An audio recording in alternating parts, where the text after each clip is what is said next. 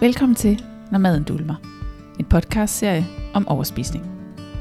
Den er for dig, som oplever, at du har svært ved at styre din mad, og hvor tanker om mad og vægt fylder meget. Mit navn er Mette Fuglsang Larsen. Velkommen til. Hej Mette. Hej Simone. Så er det tid til endnu et afsnit af Når maden dulmer. Ja, det er det. Og i dag der skal det handle om det her med at forsvinde ned i sin telefon, og hvorfor det faktisk skal føre til overspisninger. Øhm, og jeg tror, du har sagt det før i podcasten, men jeg synes, det, det er sådan et godt eksempel. Det her med, at når man måske kommer hjem fra en arbejdsdag og tager telefonen frem og tænder for fjernsynet, og måske har noget mad ved siden af, altså hvordan det kan gøre, at man ikke kan komme ned i kroppen og mærke, hvordan man faktisk har det. Det, det er det, vi vil prøve at komme ind på i dag. Ja, lige præcis. Og jeg tænker, det er et meget, egentlig et meget genkendeligt emne for mange, og jo desværre nok i virkeligheden noget, der vokser. Men det, det kan vi tage, når vi kommer til det. Allerførst så vil jeg lige sige, at hvis I har nogle helt konkrete lytterspørgsmål, altså problemstillinger, som I har lyst til, at vi tager op i, i øh, et kommende afsnit, så må I meget gerne skrive til os. Og det kan I gøre ind på Instagram under Spisepsykologicoach, bare ved at sende en besked, eller I kan skrive en mail på Mette Fuglsang Larsen, øh, eller på mette, snabelag, mettefuglsanglarsen.dk, øh, eller gå ind på hjemmesiden www.mettefuglsanglarsen.dk, og så brug eventuelt den chatfunktion, der er, og skriv til os. Yes. Og som altid vil jeg lige læse øh, lytterspørgsmål op, og det er et meget kort et, men også meget relevant. Øhm, hvad gør jeg, når økonomien spænder ben for at købe et forløb på grund af sygemelding med stress? Så øh, det vil vi altså komme ind på i slutningen af, af det her afsnit. Men allerførst, så kunne jeg godt tænke mig at høre dig med det om, hvordan, hvordan er dit forhold til din telefon? Måske dengang og nu. Ja. Øhm, det er øh, i virkeligheden, hvis jeg skal være helt ærlig, så er det nok ikke så afbalanceret, som jeg drømmer om det er.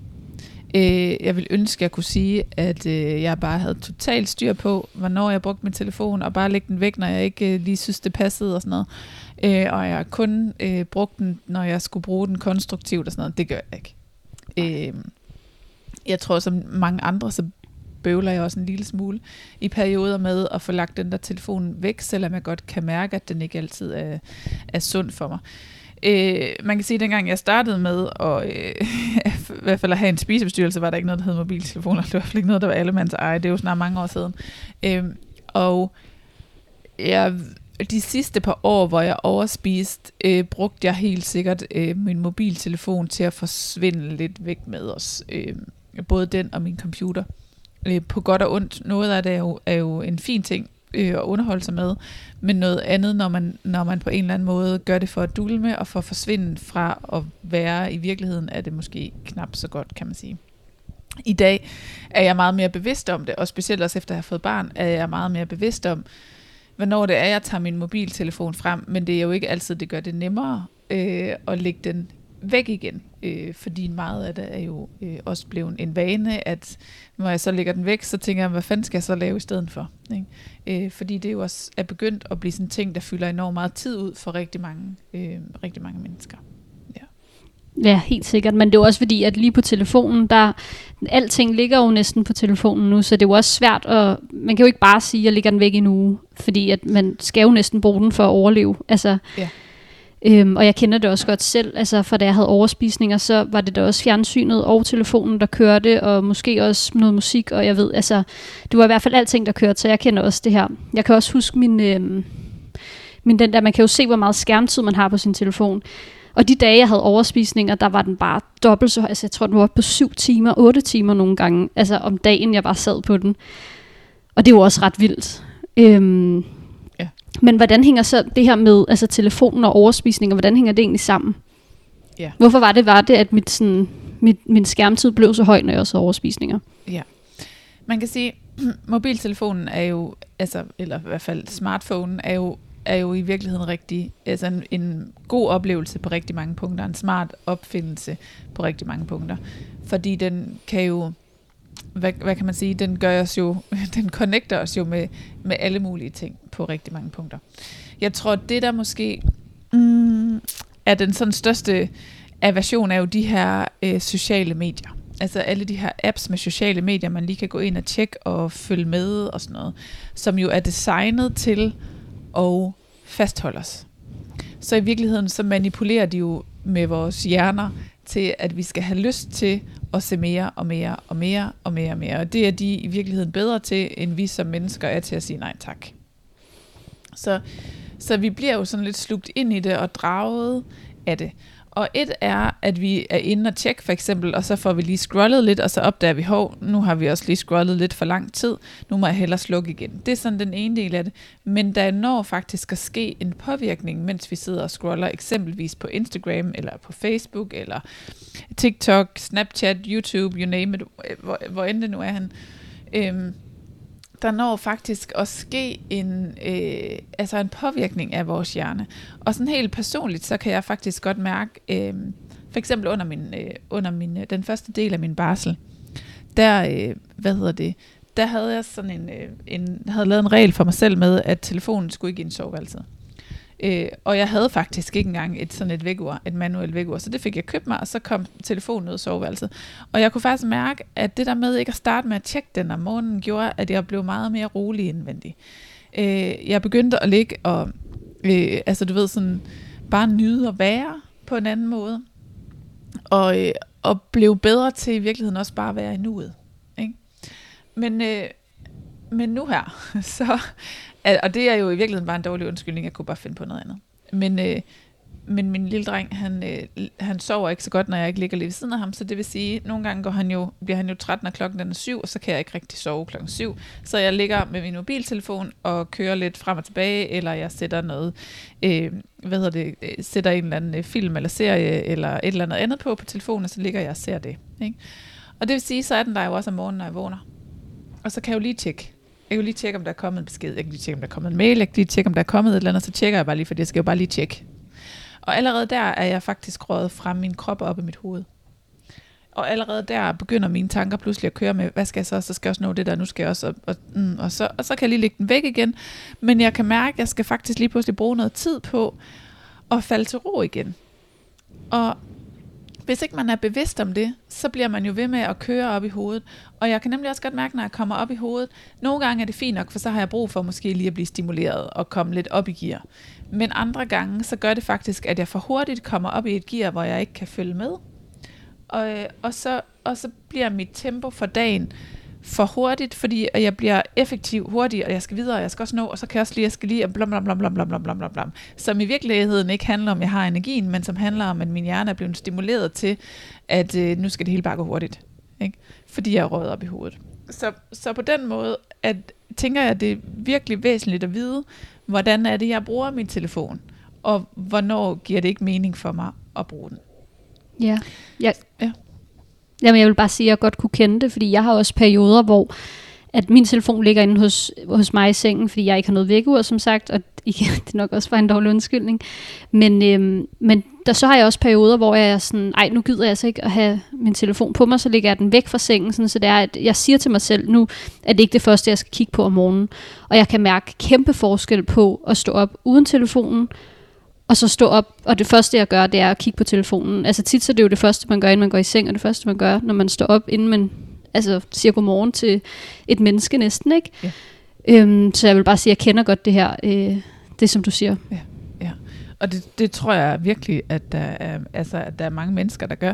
Altså selv, selv mine forældre, som jo er midt i 60'erne, altså, øh, jeg tror jeg også sover med deres mobiltelefon og ser på den som det sidste om aftenen, og som det første, når de vågner om morgenen, og også begynder at bruge den som et ur. Altså, så, så jeg tror, der er rigt, altså, jeg tror, at den simpelthen bare har plantet sig rigtig mange steder, med mindre det er mennesker, der virkelig er bevidste om deres adfærd med deres mobiltelefon.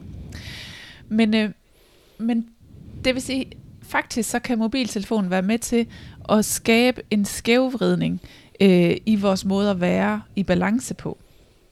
Fordi den på en eller anden måde trigger os til at komme op i hovedet rigtig hurtigt. Og det er også noget af det, vi jo i hvert fald slår et slag for, er en, er en stor del af årsagen til, at vi overspiser, det er, at vi ikke kan finde ud af at være nede i vores krop. Så den er jo også kærkommen, øh, mobiltelefonen, fordi uh, så kan vi komme op i hovedet og væk fra alt det, der vi mærker nede i kroppen, og alt det, der er langsomt, som i virkeligheden er kedeligt, som jo bliver enormt kontrastfyldt til tempoet, der foregår på sociale medier.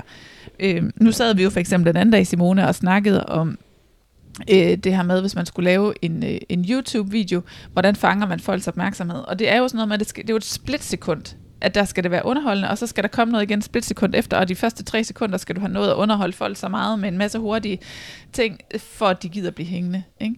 Så, så, så det er jo sådan en gængs ting, så, så det siger jo også bare noget om, at du har maks 3 sekunder. Du har i virkeligheden nærmest kun et splitsekund til at fange folks opmærksomhed, og ud fra det, så skal du have underholdt dem nok de første 3 sekunder øh, i noget, der er hurtigt til, at de faktisk gider blive hængende. Ikke? At man kan selvfølgelig også godt gøre noget, der ikke er hurtigt, men de, men de fleste, øh, så skal det være et eller andet, der, hvor, hvor tingene går stærkt, sådan så de kan nå at få nok impulser ind, til de bliver fanget af det. Ikke?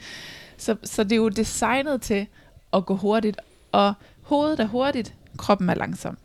Så derfor bliver det mega kedeligt at være nede i kroppen. Og det gør det jo også for unge mennesker. Det bliver mega kedeligt at være nede i kroppen. Hvorfor skal jeg, hvorfor skal jeg sidde og lege med mig selv for børn? For, altså børn for eksempel, når jeg kan tænde for en iPad, hvor alting det går hurtigt.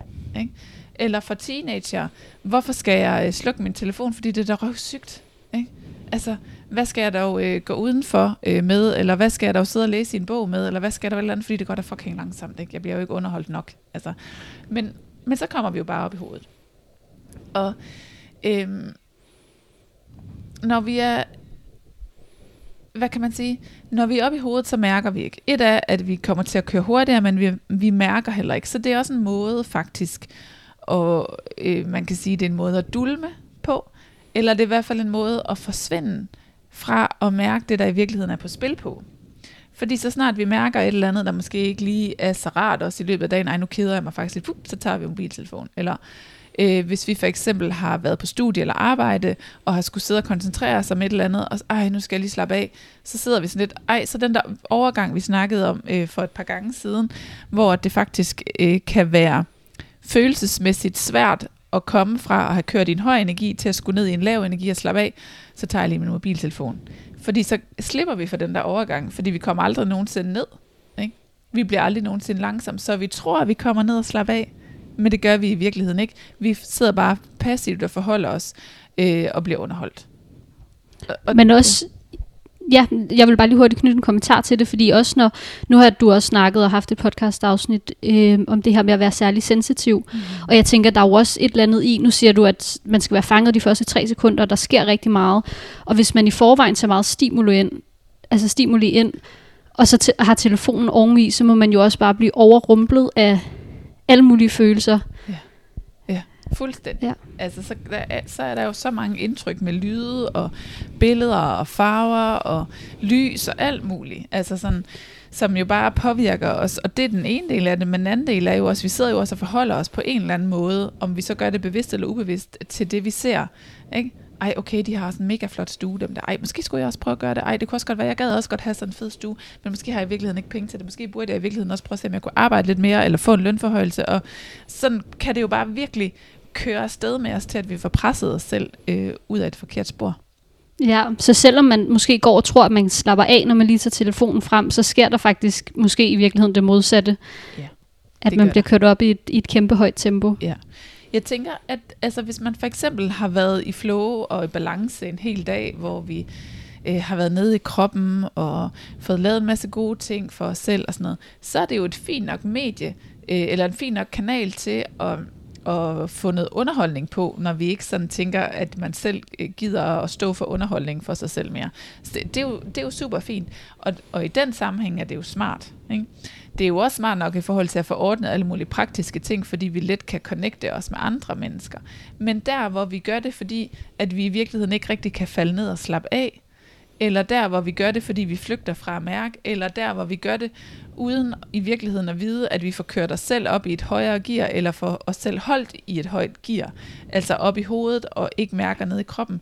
Der er det jo en, altså lidt en ubalance og lidt en, en, et skævt forhold at have til sin mobiltelefon, i hvert fald hvis man spørger mig. Og det er jo også det, der gør, at mobiltelefon faktisk både i sig selv jo kan være en dulmemekanisme, men faktisk også kan lede til overspisninger, fordi at det fjerner vores fokus fra at mærke, hvordan vi i virkeligheden har det. Ja, og det kan jo egentlig også føre til overspisninger på den måde, hvad det er, man går og ser på Instagram. For hvis nu man bliver ved med at se, at man alle mine øh, bekendte, de er ude og lave et eller andet, og solen skinner, og så får FOMO over det, så kan det jo også føre til overspisning. Ja. Eller hvis man bare ser øh, det her glansbillede på Instagram omkring, hvordan man skal se ud, altså, så kan det også føre til overspisninger. Ja. Ja, så der er jo i virkeligheden mange ting i telefonen, der kan gøre, at man får overspisninger. Ja. Jeg, jeg begyndte for eksempel den anden dag at følge en influencer, øh, Og spørg mig ikke hvorfor, men det gjorde jeg bare. Og så, så prøvede jeg egentlig sådan lige forholde mig til, hvad det, hvad det i virkeligheden var, hun lagde op. Og, øh, og halvdelen af billederne var, hvor hun stod og tog, og, øh, fair nok, øh, altså øh, respekt for hende, hun stod og tog billeder af sig selv med et eller andet tøj, hun skulle reklamere for ind i skærmen med den her perfekte krop det her perfekte udseende. Og så var hun bagefter lige til en eller anden festival sammen med en masse andre influencer-veninder, ikke? hvor de stod der og skålede i champagne i lækker tøj og havde øh, det rigtige hår og den rigtige makeup og sådan noget. Og det er jo en del af, øh, det er jo formentlig en del af hende, det er formentlig også en del af hendes brand, og det er jo også en del af hendes business. Så for hende er det jo også et, altså, øh, en måde at tjene penge på. Ikke? Men, men hvis jeg lige pludselig sidder og tænker, ej okay, jeg vil også have sådan en krop. Jeg vil også kunne være sådan en, der kan tjene penge på at stå og tage billeder af mig selv inde i, øh, i et øh, øh, spejl. Og jeg vil også bare være sådan en, der synes, at der bare kommer til alle de der festivaler. Om, så, så hvis ikke jeg har det der i mit liv, man sidder og tænker, det er jo sådan, det gad jeg jo i virkeligheden godt, så bliver mit liv jo enormt tomt, ikke? og så kan der da godt nok komme mange negative følelser i kroppen over, at man ikke er en succes, og man ikke duer til noget, og hvorfor kan jeg ikke finde ud af det, og jeg også bare, øh, har også bare deller på maven, eller jeg føler mig også bare tyk, og jeg kan ikke tage mig, og hvordan kan hun drikke alt det der alkohol, og så alligevel holde den der figur, og whatever, men vi ved jo ikke, hvad der foregår inde bag overfladen. Det der er jo øh, øh, en vinkel af et liv, ikke? det er jo ikke nødvendigvis det fulde billede af et liv. Nej, og man kan jo heller ikke, altså man kan jo heller ikke være sikker på, hvordan at den her person ser ud i virkeligheden. Altså man kan jo manipulere meget med billeder også, og det er ikke fordi jeg siger, at hun gør det. Det, det er slet ikke sikkert. Øhm, og jeg har det også, altså jeg vil da også gerne indrømme min Instagram, der ligger jeg jo heller ikke billeder ud, som jeg ikke synes er pæne.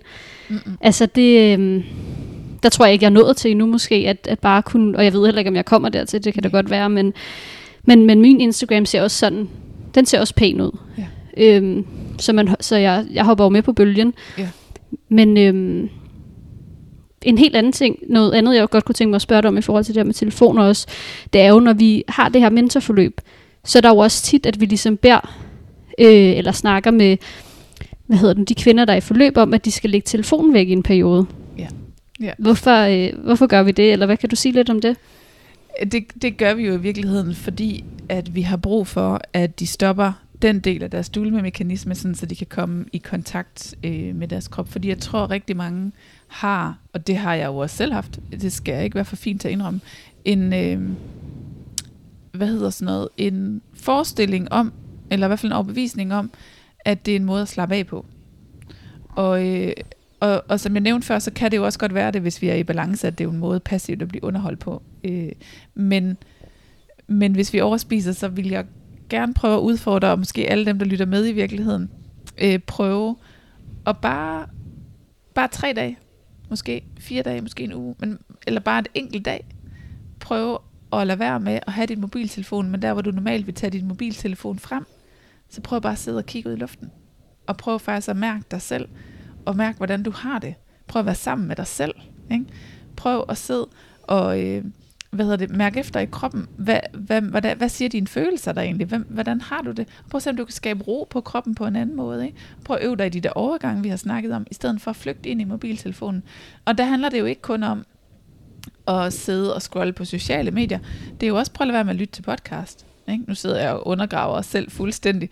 Men, men prøv at lade være med at sætte en lydbog i ørerne. Ikke? Prøv at lade være med at tænde for fjernsynet. Altså, bare prøv at være. Prøv at sidde og kigge ud i luften og prøv at se, om du kan nyde bare at være. Og prøv at mærke, hvordan du i virkeligheden har det, øh, når du gør det. Ikke? Det tror jeg for mange er svært.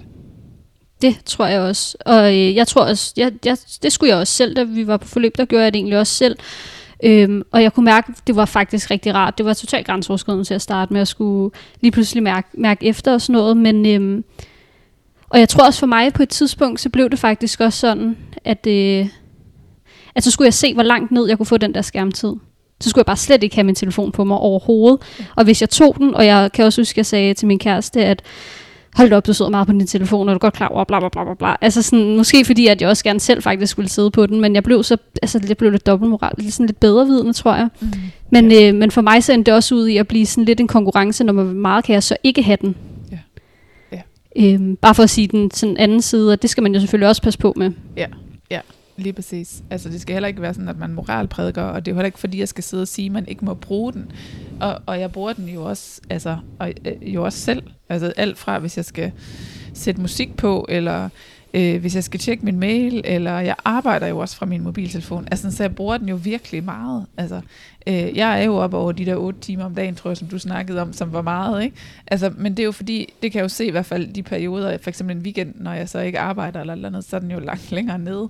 Men, men, øh, men jeg bruger den da helt sikkert også altså, alt for meget. Mm. Men jeg tror, det vigtige er at vide, øh, at man gør det, altså at kunne se sit eget mønster i det, og så vide, have prøvet at, at prøve det af. Hvad sker der, hvis jeg lægger den væk? Helt væk. Ikke? Hvordan håndterer jeg så i virkeligheden mig selv? Og hvordan er jeg sammen med mig selv? Og hvad sker der så? Og så derefter kunne finde en vej i det, der hedder, okay, men når jeg kan mærke, at jeg begynder at få lyst til at spise, når jeg kan mærke, at jeg får uro i kroppen, når jeg kan mærke, at jeg bliver for effektiv, når tingene går for hurtigt, når jeg kan mærke, at jeg bliver irriteret på folk, eller vred på folk, eller synes de andre er nogen trælse nogen, eller hvorfor er de ikke lige ordnet, eller fikset, eller et eller andet, så er det fordi formentlig, du har været for meget på din mobiltelefon. Der er i hvert fald et eller andet, der presser dig. Ikke? Mm. Tror du egentlig, at man kan slippe overspisningerne, hvis man ikke prøver også at slippe sin telefon lidt? Eller tror du, det går hånd i hånd? Mm. Ej, jeg, jeg tror godt, man kan... Øh, det kommer meget an på, hvad man har for et øh, forhold til sin mobiltelefon. Jeg tror godt, man kan slippe dem uden at slippe sin, øh, sin mobiltelefon. Øh, men, men hvis man gerne vil gøre det hurtigt, så synes jeg, at det er en super effektiv måde til at komme i kontakt med sig selv på. Det er at, at lægge den der mobiltelefon og alle skærme i virkeligheden. Øh, lægge dem væk en periode. Øh, og så prøve at være sammen med dig selv, i stedet for at forholde dig til de følelser, du har. Ja, fordi at jeg kan egentlig også godt altså sådan huske det her med, hvis jeg også var til fødselsdag eller et eller andet. Hvis, der ikke, hvis jeg ikke lige sagde noget, eller der ikke lige skete noget, det første jeg gjorde, det var at tage min telefon op. Og sådan, i stedet for at bare lige prøve at trække vejret, så var, det, så var det hele tiden telefonen, der kom i de der mellemrum, der var i løbet af dagen. Ja. Ja. Øh, som jo også stopper ind for at komme ned i kroppen, ikke? Jo, og jo et virkelig godt billede af, at vi har jo nærmest ikke længere nogen mellemrum, hvor vi ikke, hvor vi ikke fylder et eller andet i hovedet, hvilket bare gør, at vi er oppe i hovedet hele tiden, og vi skal ud af det der hoved og ned i den der krop. Ikke? Fordi det er dernede følelserne er. Det er dernede, vi kan fornemme, hvad kroppen i virkeligheden, og hvad vi i virkeligheden har brug for. Hovedet er bare en gang skud og mudder, der, der uans, altså, det kan fortælle os alt muligt. Det kan fortælle os, ej, hvor er det bare dejligt dag, ej, hvor er det bare dårligt i dag, men det er den samme dag. Ikke? Altså, det, det kan fuck, som vores tanker kan fuck fuldstændig med os. Og det kan vores følelser selvfølgelig også, men, men det går ikke så stærkt med at få dem ændret. Det, det er meget mere plausibelt og troværdigt at være nede i kroppen og, og, øh, og være sammen med sig selv dernede. Mm. Og, og så finde den her balance, øhm, fordi at nu har jeg gjort det sådan, at, at jeg kunne mærke, at jeg brugte alt for meget tid på min TikTok, så derfor så valgte jeg at slette den, og jeg kunne se, at min skærmtid er gået meget ned siden. Og også på Instagram, der har jeg valgt at gå ind og følge øh, nogle personer, eller noget, som der giver mig en god, en eller anden form for god energi. Ja. Så sådan også, altså måske overveje, hvad, hvad man bruger sin telefon til, og måske rydde op i nogle af de ting, der ligger, fordi hvad giver egentlig en god energi, og hvad giver en sådan dårlig samvittighed eller en dårlig følelse. Ja, præcis. Det synes jeg faktisk er et virkelig, virkelig godt råd, fordi tit så kan det jo være, øh, hvad kan man sige, dem vi følger kan jo godt være nogen, hvor vi tænker, hvis det for eksempel er sådan nogen, øh, der taber sig og med noget kostplan og noget vægt et eller andet, ikke? Så kan man godt tænke, ej, det er også, jeg skal have den her øh, inspiration til det, og det holder mig motiveret, fordi så bliver jeg hele tiden mindet om det. Men, men, men motiverer det dig i virkeligheden på en positiv måde, eller giver det dig i virkeligheden sådan en, øh, fuck, nu fik jeg det ikke gjort igen, agtig. Sådan en, slå dig selv oven i hovedet, fordi du ikke får det gjort, eller sådan, ikke? Så, så hvad er det i virkeligheden, altså det der med at være ærlig over for selv, hvad er det i virkeligheden, det giver dig? Det samme, hvis det er, noget med øh, krop, eller tøj, eller mode, eller et eller andet, ikke? Slår du det i virkeligheden dig selv oven i hovedet øh, over det, øh, at du ikke har det på samme måde, ikke? For mit vedkommende kan det jo også være sådan noget, med nye trends på, øh, på Instagram for eksempel, ikke? Altså alle de der sådan, ej, sådan her får du folk til at like, eller sådan her får du folk til at klikke på et eller andet, eller sådan her får du mange views på et eller andet, og det er bare sådan, hvis jeg følger for meget af det, så får jeg simpelthen, altså bliver simpelthen totalt snoret rundt op i mit hoved til, at jeg bare sidder og tænker, ej, jeg kan bare ikke nå det, jeg kan ikke nå det, jeg kan ikke nå det, jeg kan heller ikke nå det, og nu er jeg bare sådan en, der ikke når noget som helst, og så, og så får jeg en virkelig øvfølelse indvendig, ikke? i stedet for at fokusere på det, jeg kan. Altså, mm. så, så, så det er det der med at være bevidst om, hvad, som du siger, hvem er det faktisk, jeg følger, og hvad, hvad giver de mig? Ja, Og en helt anden ting, jeg også kom til at tænke på, som kan føre til overspisning med telefonen, det er jo faktisk også det her med, hvis man får beskeder, og man lige pludselig er sådan, nu skal jeg også nå at svare på den her besked. Altså det, der, på den måde kan den også øh, give stress omkring, at alle de her øh, notifikationer, man lige pludselig kan få, og det skal jeg huske at svare på, og det skal jeg lige huske at gå ind og kigge på, og så skal jeg huske bla bla bla bla bla. Altså, Ja. Der er jo i virkeligheden så mange altså, stressfaktorer i telefonen, Helt som kan føre til overspisninger. Ja. Jeg har så til gengæld slået stort set alle mine notifikationer fra, øh, så jeg ikke får sådan nogle, der popper op på min telefon, kun ved en sms, eller ved, hvis der er nogen, der ringer, ellers så får jeg faktisk ikke nogen notifikationer, i hvert fald ikke, øh, så er det fordi, jeg har glemt eller et eller andet, men ej, jeg får en for årstiden, den skal jeg faktisk have slået fra, men altså, ellers så får jeg, ikke, øh, får jeg faktisk ikke nogen øh, not- notifikationer om noget som helst, øh, af, af samme årsag, for jeg vil ikke forstyrres, men, men derfor så kan jeg jo godt have haft åbnet for eksempel min Instagram-app, og så øh, kan jeg se, der ligger øh, øh tre-fire beskeder, jeg kan få svaret på. Og selvom man jeg tænker, dem svarer jeg på i morgen, så ligger de stadig i baghovedet. Det er jo sygt usundt. Ikke? Det ligger jo stadigvæk, fordi jeg ved, det er der. Og så tænker jeg, mm, kunne jeg lige få et hul, så kunne jeg lige gå ind og gøre det, fordi jeg er også lidt nysgerrig på, hvad står der i virkeligheden i de der beskeder. Ikke? Og, og, så, og så ligger det og rumsterer. Og det er jo bare ikke sådan... Ja. Nej. Jeg tror ikke på, at det er særlig sundt. Nej, lige præcis. Og min telefon er også altid på lydløs faktisk, eller på forstyr ikke, så jeg får heller ikke sådan pling op, fordi jeg har hørt mange også have den der, når de så hører et pling, så får de sådan helt sug i kroppen. Ja. Altså sådan, uh, nu skal jeg, altså, nu skal jeg kigge på den, og Ja. så det har jeg også valgt at, valgt at slå fra. Det synes folk er lidt irriterende, når de ringer til mig, at de kan få fat i mig, men Men det er deres Ja. følelser, Simone. Det er ikke dine. det er det. det er deres Det er lige ansvar, det er præcis. ikke dit. ja. Det er rigtigt. Har du ellers andet til det her med, med mobiltelefoner, som du synes, vi skal komme ind på? Nej, det gør jeg faktisk ikke. Men, øh, men prøv at tage en dag eller to, hvor øh, I lægger dem væk. Øh, og prøv at se, hvad sker der faktisk i alle de der mellemrum, hvor du normalt hiver den op. Hvad sker der så? Ja. Ikke? Og hvad sker der, hvis du... Øh, nu ved jeg selvfølgelig ikke lige præcis, hvordan øh, vejret er, når den her den udkommer. Hvad sker der, hvis du sætter dig ud i din have, eller ud på din altan, eller ud i en park, eller et eller andet, i stedet for at bare sidde og kigge, eller bare i din stue og kigge ud af vinduet, for eksempel. Øh, hvad, hvad sker der så? Ligger der på din sofa og kigger op i loftet? Ikke? Hvad, hvad sker der så? Hvad mærker du i kroppen? Og hvordan er det i virkeligheden at være alene sammen med dig selv? Ja, jeg tror egentlig også, at det vil jeg øve mig på nu her. Altså, nu er jeg måske også kommet ind i en periode, hvor den fylder lidt meget, så det er måske meget godt for mig også lige at Ja. ja. prøve at lægge den lidt væk. Ja. ja.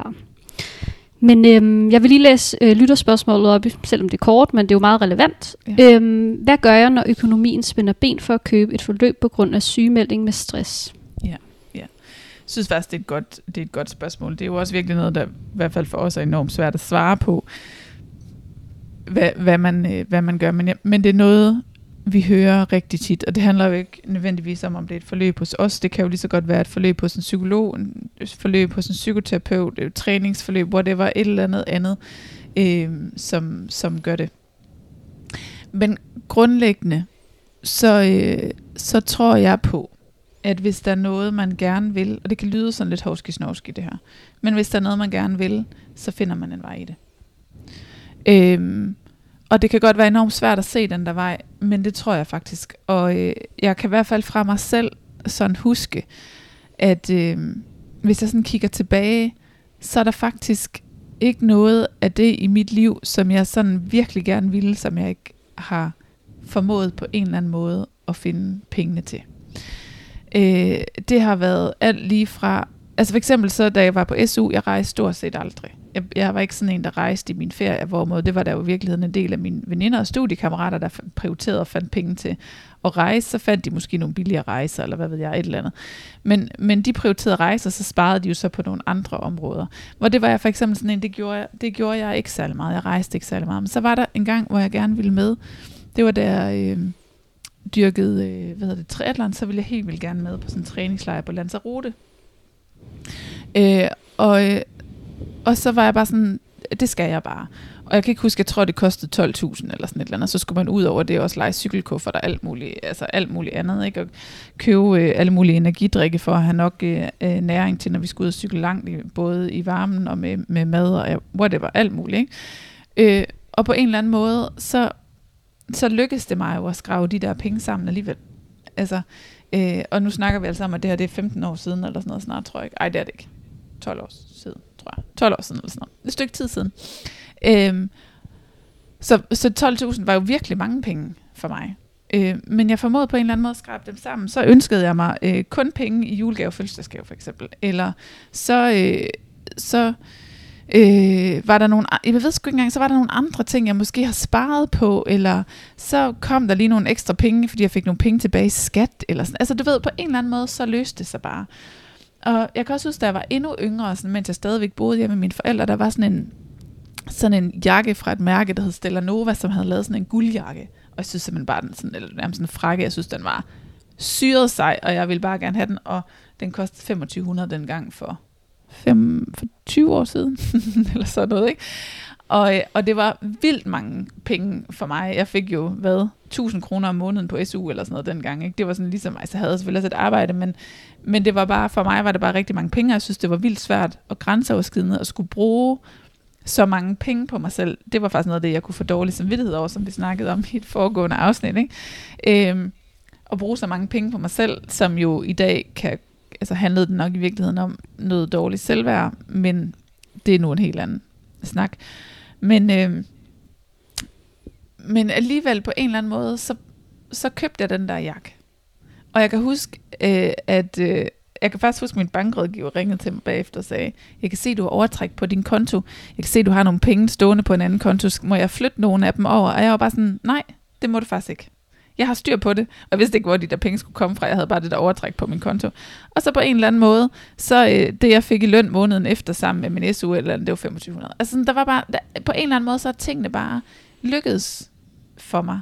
Øhm, sådan har det også været, sådan, når vi skulle finde steder at bo, eller et eller andet, som også måske er lidt dyrere end det, vi havde regnet med, eller et eller andet, så, så sker der et eller andet, der gør, at tingene lykkes alligevel. Så jeg, jeg, jeg tror, jeg er sådan af den overbevisning, at hvis der er noget, man virkelig vil, så løser tingene sig. Øh, og øh, jeg ved ikke, om folk, der sidder og lytter på, bare tænker, det, det, det er fuldstændig øh, hul, hul i hovedet. Men det er jo, nu er det ikke lige i den her kontekst, det er det, vi arbejder med på mentorforløbet, men vi arbejder med på mentorforløbet og prøver at slippe kontrollen, i stedet for at læse, læne sig ind i tillid. Og det betyder ikke, at man skal slippe kontrollen over sin økonomi. Det tror jeg faktisk er en rigtig dårlig idé. Men jeg tror på, at der sker nogle ting, når vi, når vi tør at lade være med at regne ud, hvor tingene altid kommer fra. Men hvis vi gerne vil noget, så undervejs i processen, så får vi rettet fokus ind, sådan så at alt det, der lige kommer af en eller anden art, det får vi, øh, det får vi øh, kastet vores energi på i lige præcis den her retning, og så løser det sig. Altså hvis, vi, hvis vores børn mistrives øh, i folkeskolen, men vi ikke synes, vi havde råd til at få dem på en privatskole, skulle vi sagt, nok finde de der penge til at få dem på den der privatskole, tror jeg. Altså det tror jeg langt de fleste vil gøre. Så vil de omprioritere nogle ting i deres liv, eller et eller andet, ikke? Sådan så, øh, sådan så vi, hvad hedder det, så børnene de kommer i trivsel igen, eller et eller andet, i hvert fald for at gøre et forsøg på det. Så jeg tror, at, at vi finder ud af at få det løst på en eller anden måde, hvis, hvis det er noget, som, øh, som man virkelig gerne vil. Men man kan sige, øh, det er jo ikke sådan, jeg tror på, at penge bare dumper ned fra himlen. altså, øh, så selvfølgelig skal man jo også ud og, og, øh, og lægge, en, altså, lægge en plan for det. Og i det her tilfælde øh, er der jo noget med noget øh, sygemelding og noget stress, og jeg vil jo helt sikkert starte med at få kigget på det, og få arbejdet øh, hen imod, hvordan kunne jeg rent faktisk komme ud af min stress, inden jeg måske skulle prøve at kigge på øh, og få løst nogle andre øh, punkter i mit liv, sådan, så man ligesom får, hvad hedder det, får øh, taget de hurdler, der står i vejen for, at man kan komme hen til det sted, hvor man har muligheden, for eksempel. Ikke? Øhm, fordi øh, hvis der er en sygemelding og en, et, øh, hvad hedder det, og en stress, der står i vejen, så er jeg ret sikker på, at der er noget hjælp at hente nogle steder, som ikke nødvendigvis spærer for, øh, eller som ikke nødvendigvis tynger ens øh, økonomi yderligere. Øh, så det vil, jeg vil helt sikkert prøve at afdække og undersøge alle de her muligheder for at komme i gang. Og grund til, at jeg siger nogle af de her ting, er også, at øh, det her det handler jo ikke kun om at få råd til et forløb, eller råd til at få hjælp, men det er jo en generel tænkning om, hvordan er det, vi kommer derhen i vores liv, hvor vi gerne vil være. Fordi hvis vi kun ser på begrænsningerne i vores liv, så rykker vi os ikke, så sidder vi fast.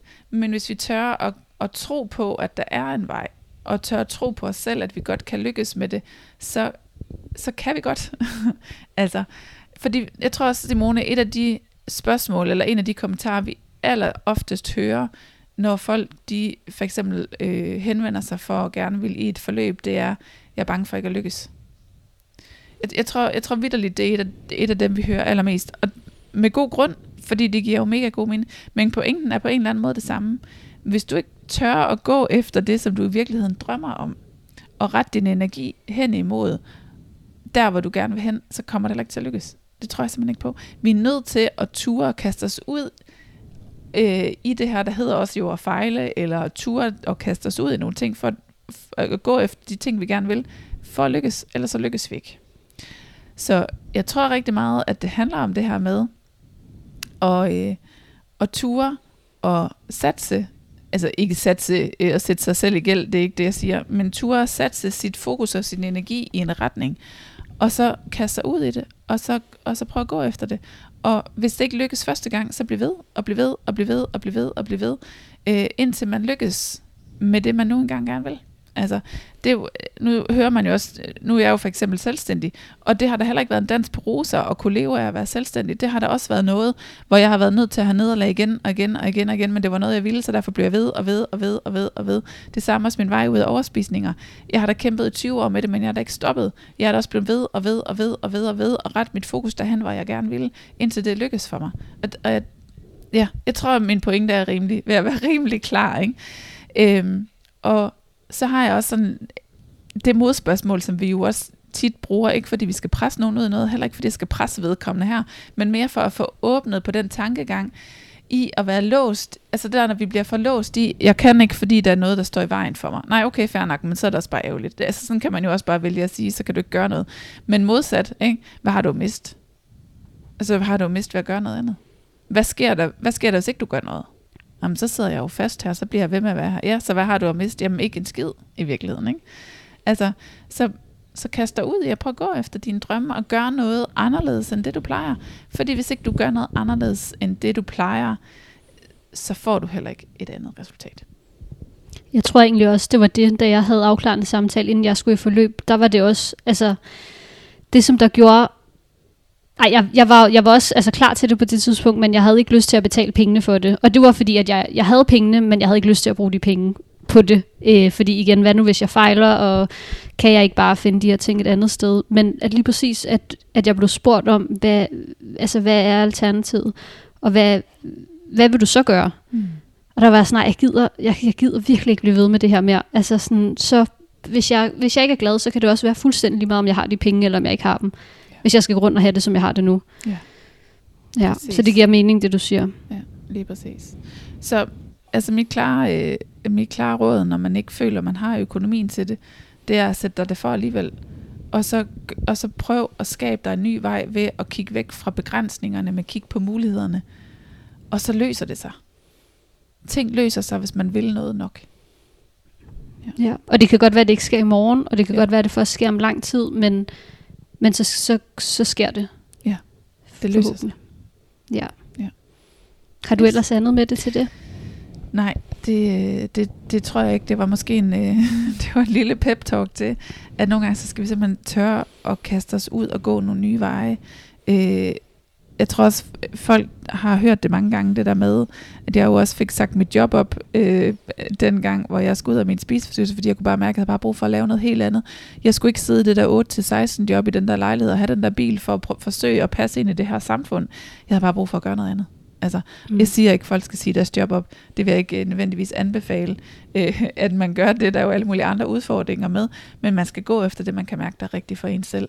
Og så skal man, og så skal man gå den vej uanset hvad andre tænker om det. Ja, ja. min klare og det, en, en hurtig ting, jeg også vil til at sige til det, den har, havde jeg også præcis det her med at skulle til at være mor og blive gravid og få en baby. Øh, især fordi, at jeg jo ikke er så gammel. Mm. Jeg synes, jeg er gammel nok. Jeg føler mig klar, og det er lige præcis det, jeg skal. Jeg er heller ikke færdig med studiet. Der kommer til at være et halvt år, jeg mangler. Men jeg kunne bare mærke, at det føltes rigtigt, og det var det, jeg skulle. Og vi var klar herhjemme, så, så derfor så har jeg tillid nok til, at tingene skal nok gå selvom jeg ikke har øh, sikret et job eller noget som helst. Altså, ja. Ja. Jeg skal nok finde ud af det. Ja, lige præcis. Og der er du i virkeligheden også, und, jeg tænker næsten under gennemsnitsalderen øh, for førstegangsfødende. Så, så selvom man måske kan sidde og tænke, ja, jamen, hvor svært kan det være, ikke? så når man står i det, er det jo enormt svært at se vejen ud af det. Altså, eller tænke, ej, nu, at det er måske også lidt grænseoverskridende, at jeg skal gøre det her på det her tidspunkt i mit liv, ikke? Fordi i virkeligheden burde jeg jo først have et fast job og et hus og en have og øh, en stor nok bil til, at der kan være en barnevogn inde i eller et eller andet, ikke? Altså sådan, men det er bare ikke altid den rækkefølge, tingene er rigtige. Nej, Ja. lige præcis. Ja, et godt eksempel. Yes. Men jeg tænker, det var, øh, det var det for i dag. Øhm, hvis man har øh, lyst til at høre mere til os, så kan man øh, hoppe ind på vores hjemmeside, www.mettefuglsanglarsen.dk, hvor der ligger nogle forskellige gratis øh, ting. Blandt andet så kan man teste sig selv, hvis man er i tvivl om, i virkeligheden, når man overspiser.